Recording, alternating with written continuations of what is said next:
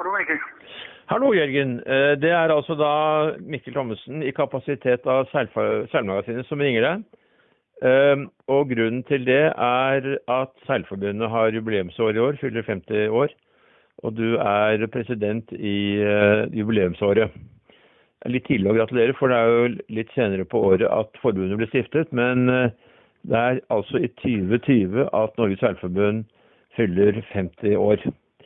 Um, jeg begynner like godt direkte med en sak som ble omtalt uh, på nrk.no i dag, om frafallet i idretten. og Det var særlig langrennssporten man uh, var bekymret for. uh, og at frafallet var stort, mens det i andre idretter, som turn særlig, men også fotball og håndball, var en fremgang. Det sto ikke noe om seiling der, men hvordan ser seiling ut i dette bildet? Seilingen har registrert en viss nedgang um, i frem til 2015, uh, da det gikk ned fra ca. 28 000 medlemmer til 25 000 medlemmer i ca. tall. Um, etter det har det stabilisert seg, uh, og uh, vi har per i dag uh, registrert nå er ikke 2018-tallene klare ennå, men vi tror at vi kan si at vi uh, har et jevnt antall uh, medlemmer. at vi ikke har noen endring nedover, og at vi kanskje registrerer en viss økning i enkelte aldersgrupper. Da særlig gruppen mellom 19 og 25 år. Hva tror du er årsaken til det? For ellers er man opptatt av de helt unge barna, at de faller fra. Grunnen til, grunnen til økningen i den aldersgruppen jeg nevnte, tror jeg har sammenheng kanskje særlig med utviklingen av klubbseiling og seilsportsligaen. De har fenget uh, blant mange klubber, og der har de greid å rekruttere inn den aldersgruppen som ellers veldig ofte faller fra. Når det gjelder de helt unge barna, så uh, ser vi ikke noen nedgang i rekrutteringen der. Men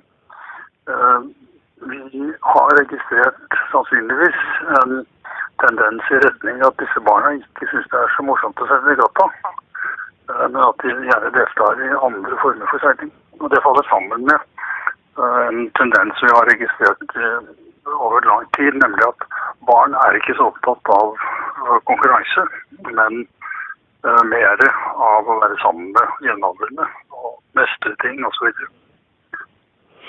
Hvis vi ser på utviklingen også i Seilforbundet over uh, tid, så har man jo gått fra å bruke ekstremt mye penger på toppidretten, altså 60-70% og lite på breddeidrett. Etter hvert har det vridd seg, slik at i dag bruker man mer penger på breddeidrett enn man gjør på toppidrett. Tror du det har en virkning her? Jeg, det skulle jo tilsi at man kanskje fikk bedre rekruttering. Og det kan jo være en viss sammenheng i det. At vi har greid å holde rekrutteringen, eller holde antallet seilende medlemmer ved like gjennom en større satsing på bredden. Så det kan det være. Men dette her er nok veldig mange forskjellige faktorer, også som vi ikke kan påvirke som seilforbund. Som vi spiller inn, vil jeg tro. Det sto i denne rapporten som ble publisert i dag at en av grunnene til frafall i langrenn var ikke nødvendigvis kostnader, selv om skiutstyr er jo blitt ganske dyrt og man skal ha mange forskjellige ski. Men hovedårsaken var mangel på sosialt samvær. Hvordan ser du på seiling i en slik sammenheng? Ja, nei, jeg tror at, at sosialt samvær er ekstremt viktig for alle idretter. Og dette er noe som man lenge har vært oppmerksom på i seiling, og har lagt stor vekt på å sørge for at store seilarrangementer også har hva skal vi si, sosiale aktiviteter av et visst omfang som binder sammen deltakere og andre i et sosialt samvær, også utenfor de rene konkurransene. Du har nå vært president i Seilforbundet i snart to år, og du har jo satt deg godt inn i forholdene. Hva er den største utfordringen for Norges Seilforbund i jubileumsåret, syns du? Jeg tror det at vi, hvis vi ser fremover, så, så er det vel øh, øh, satsingen på og særlig to fronter. Det ene er at vi da i budsjettet for 2020 har tatt sikte på å styrke breddearbeidet gjennom å opprette en deltidsstilling for bredde. Som da på en måte er en, en starten på en gjenoppbygging av den bemanningen man hadde i forbundet på breddearbeidet tidligere. Før, før dette året hvor vi hadde så dårlige økonomiske resultater at vi var nødt til å redusere staben. Det er det ene. Og når det gjelder det arbeidet som man da tar sikte på å styrke, så er det særlig utviklingen av klubbene, altså selvforeningene. Og se om vi kan greie å, å hva skal vi si, forme mer fremtidsrettede selvforeninger. Forsøke å få til en utvikling der. Og så når det gjelder andre viktige ting i året som kommer, så, så håper vi å komme i gang med det kommersielle arbeidet uh, som vi har hatt på planen i mange år, men hvor økonomien ikke har tillatt det. Vi håper å kunne i hvert fall deltidsansette en person som skal drive klokken med kommersielt arbeid. Det betyr kort fortalt uh, skaffe sponsorer til uh, seilingen? Ja, det er riktig. Og så er det da annet arbeid. Litt på siden av de rene seilaktivitetene så håper vi å kunne utvikle og satse mer på vårt miljøarbeid. Der har det vært gjort et veldig godt arbeid i 2019, og vi håper å kunne fortsette å utvikle den siden. Og håper selvfølgelig at vi kan bli en slags spydspiss innenfor norsk idrett når det gjelder miljøarbeidet. Vi ligger jo veldig godt an. Og vi har jo spesielle forutsetninger når det gjelder forholdet, vårt forhold til havet. og særlig kampen mot plast i havet. Og dette er det Thomas Nilsson som skal være spydspiss for? Det er det. Han har gjort et utmerket arbeid i 2019 og fortsetter det samme i 2020. Men nå mer i NSF-regi? Da i NSF-regi. Mm. Men det vi ikke har snakket om, det er jo at det er OL-år i år, og Norge har et ganske sterkt landslag. Det er vel ingen overdrivelse å si at vi har håp om å få medaljer i Tokyo? Nei, vi tror at vi har gode muligheter til å få medaljer innenfor jolleklassene og, og, og skiff. Ja, det er, det er, for dameklassen, altså? Det er damer, det er FX, ja. ja. Det stemmer. Og så er det da særlig i laser standard at vi har gått opp. Finjalen har også gjort det godt. og Fikk dessverre nedtur nå nylig, før jul. Men uh, Anders Pedersen har jo gjort det godt i over flere sesonger. Vi håper at han kan komme tilbake nærmere OL. Den er jo ranket nummer tre i verden på World Sailings uh, rankingliste. Så, så vi vet jo at uh, han også kan få det til. Um, så det er, det er, selvfølgelig viktig. Uh, norsk seiling har jo ikke hatt så veldig mye ressurser uh, på uh, seiling på dette nivået, som jo koster veldig mye. Men man har klart tilsynelatende å oppnå ganske mye med lite. Hvordan vil du kommentere det? Jo, jeg tror altså at det skal vi si trener- og toppidrettsregimet som ble introdusert for noen år siden i og med at Rigan Denis ble ansatt som uh, landslagstrener og sportssjef i forbundet, uh, har vært uh, utslagsgivende på sett og vis for dette. slik jeg har oppfattet situasjonen, så har Norge alltid hatt gode talenter innenfor seilinger som har hatt muligheter for å, å komme helt til topps. Men jeg tror altså at et noe tøffere treningsklima, strengere krav, trening og forskjellige andre sider ved toppidretten har vært utslagsgivende for den resultatfremgangen som vi nå ser. Rigo selv roser jo veldig det norske trenerapparatet og sier at det er det beste i verden. Det er hyggelig at han mener det.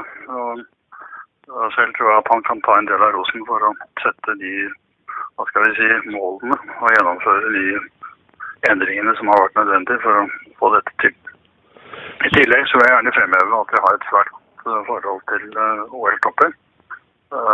Som nok bidrar sterkt til hva skal vi si, den overordnede organiseringen av toppidrettsarbeidene.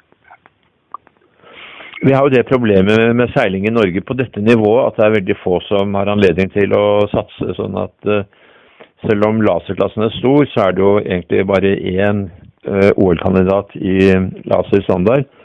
Og, det samme kan man si om laserradial, selv om det kanskje er et par yngre jenter som, som kommer der for fullt. Men det er i hvert fall hovedtendensen for seiling i Norge er at det er veldig få som satser OL. Eh, da er man tydd til litt interessante muligheter, nemlig ved å trene med andre nasjoner. Og, og særlig i 49er FX har man klart å få til et samarbeid med verdens to beste lag, presumptivt. Eh, gull- og sølvviljen fra, fra, Rio i 2016. Som da har trent uh, iherdig sammen med det norske laget.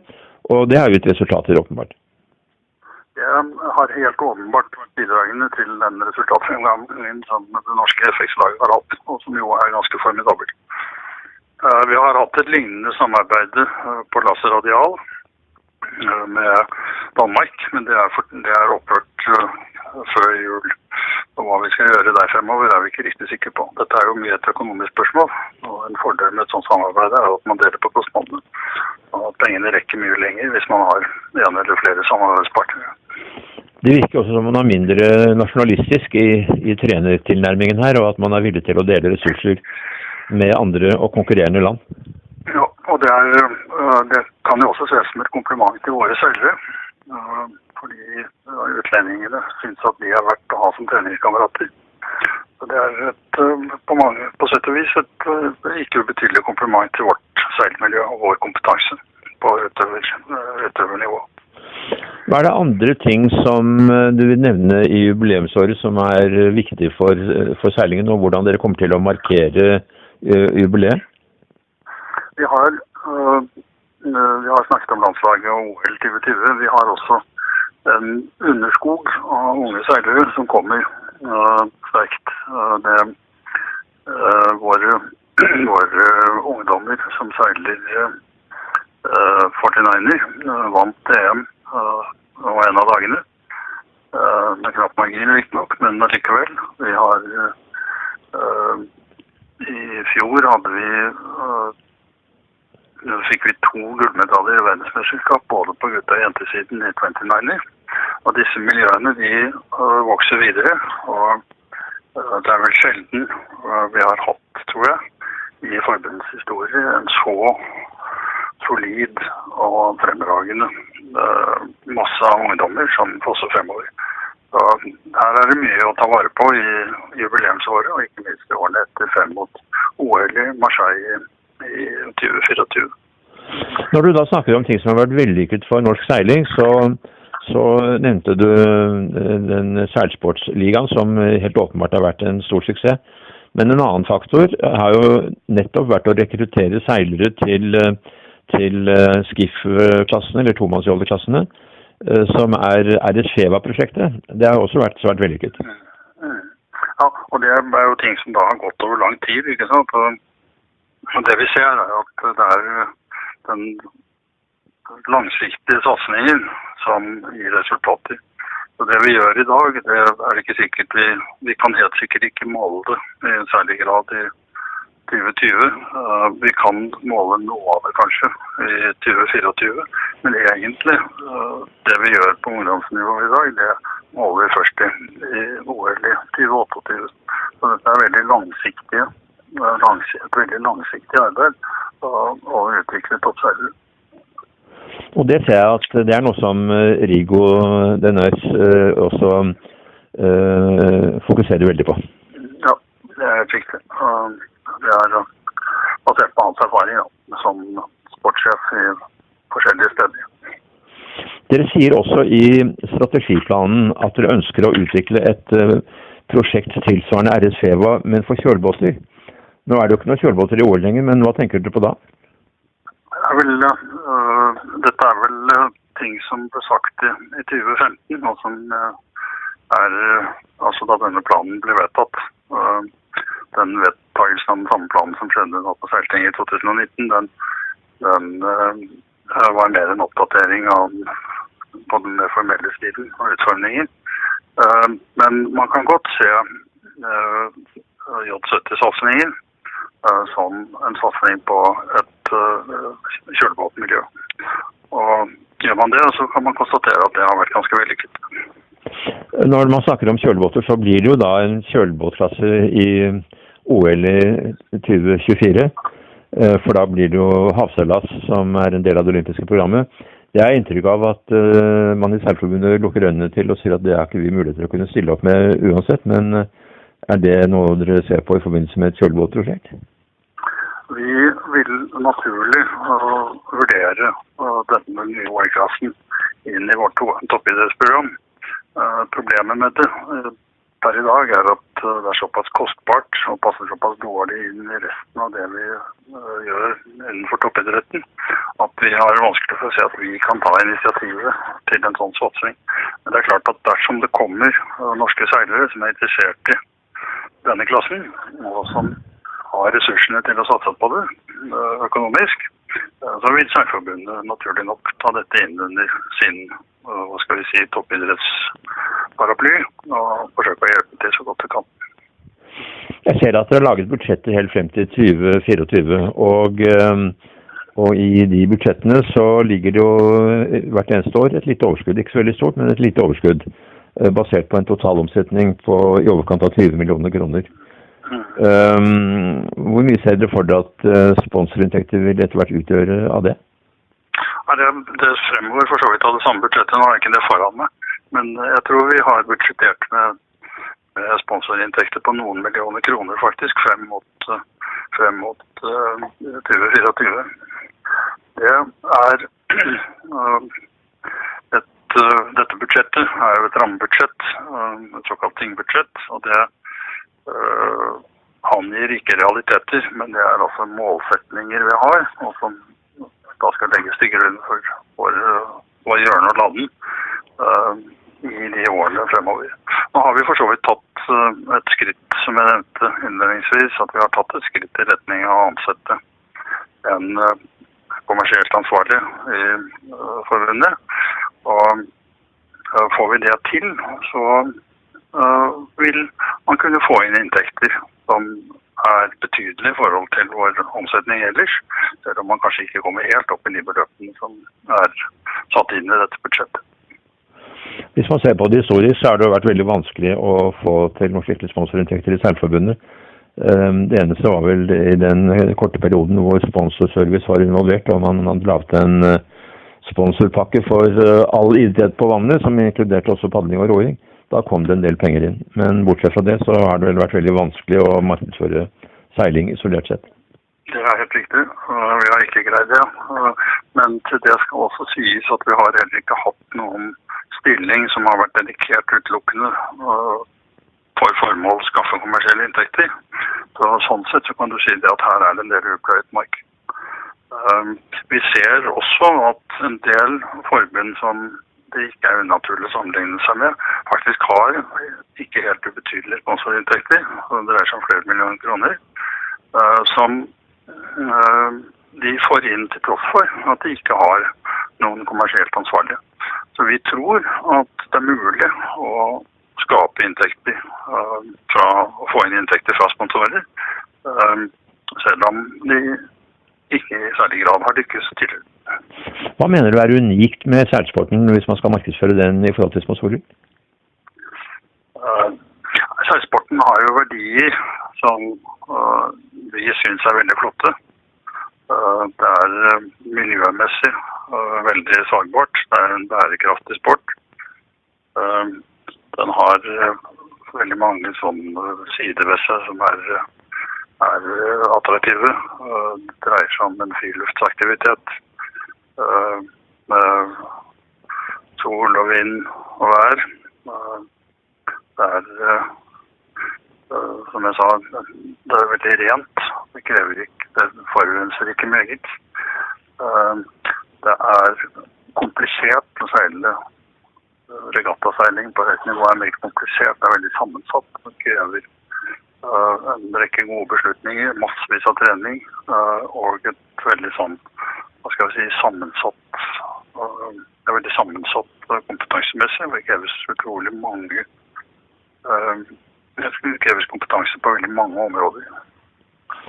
Kan, kan det tenkes nå at den satsingen som Seilforbundet gjør på miljø, den blir jo mye mer synlig da med Thomas Nilsson, at det kan bidra til å skaffe sponsorinntekter? Det tror vi. Det får vi da, får vi da sannelig håpe. Um, da får vi ønske lykke til med jubileet. Det blir en spennende sesong, ikke minst uh, da i slutten av sommeren, hvor, uh, hvor Norge stiller med OL-kandidater eller medaljekandidater i flere klasser. Det kommer vi til å følge med på. Så må vi håpe at seilsporten klarer å gjøre seg synlig gjennom de kanalene som fins. Og uh, vi, i hvert fall i Seilmagasinet, gleder oss til å følge seilsporten i jubileumsåret. Så jeg sier takk for praten. Selv takk. Og før du avslutter, så vil jeg gjerne henlede oppmerksomheten på uh, det faktum at uh, Seilforbundet tar sikte på å utgi en jubileumsbok som vi forventer skal komme ut i mars, og som de selv er involvert i. og jeg, siden du nå gir meg anledning til det, så vil jeg gjerne slå et slag og reklamere litt for denne boken. Mange takk. det, det, var hyggelig. Får håpe at det slår til. Det får vi håpe. Ja. Takk igjen. takk skal du ha. Hei.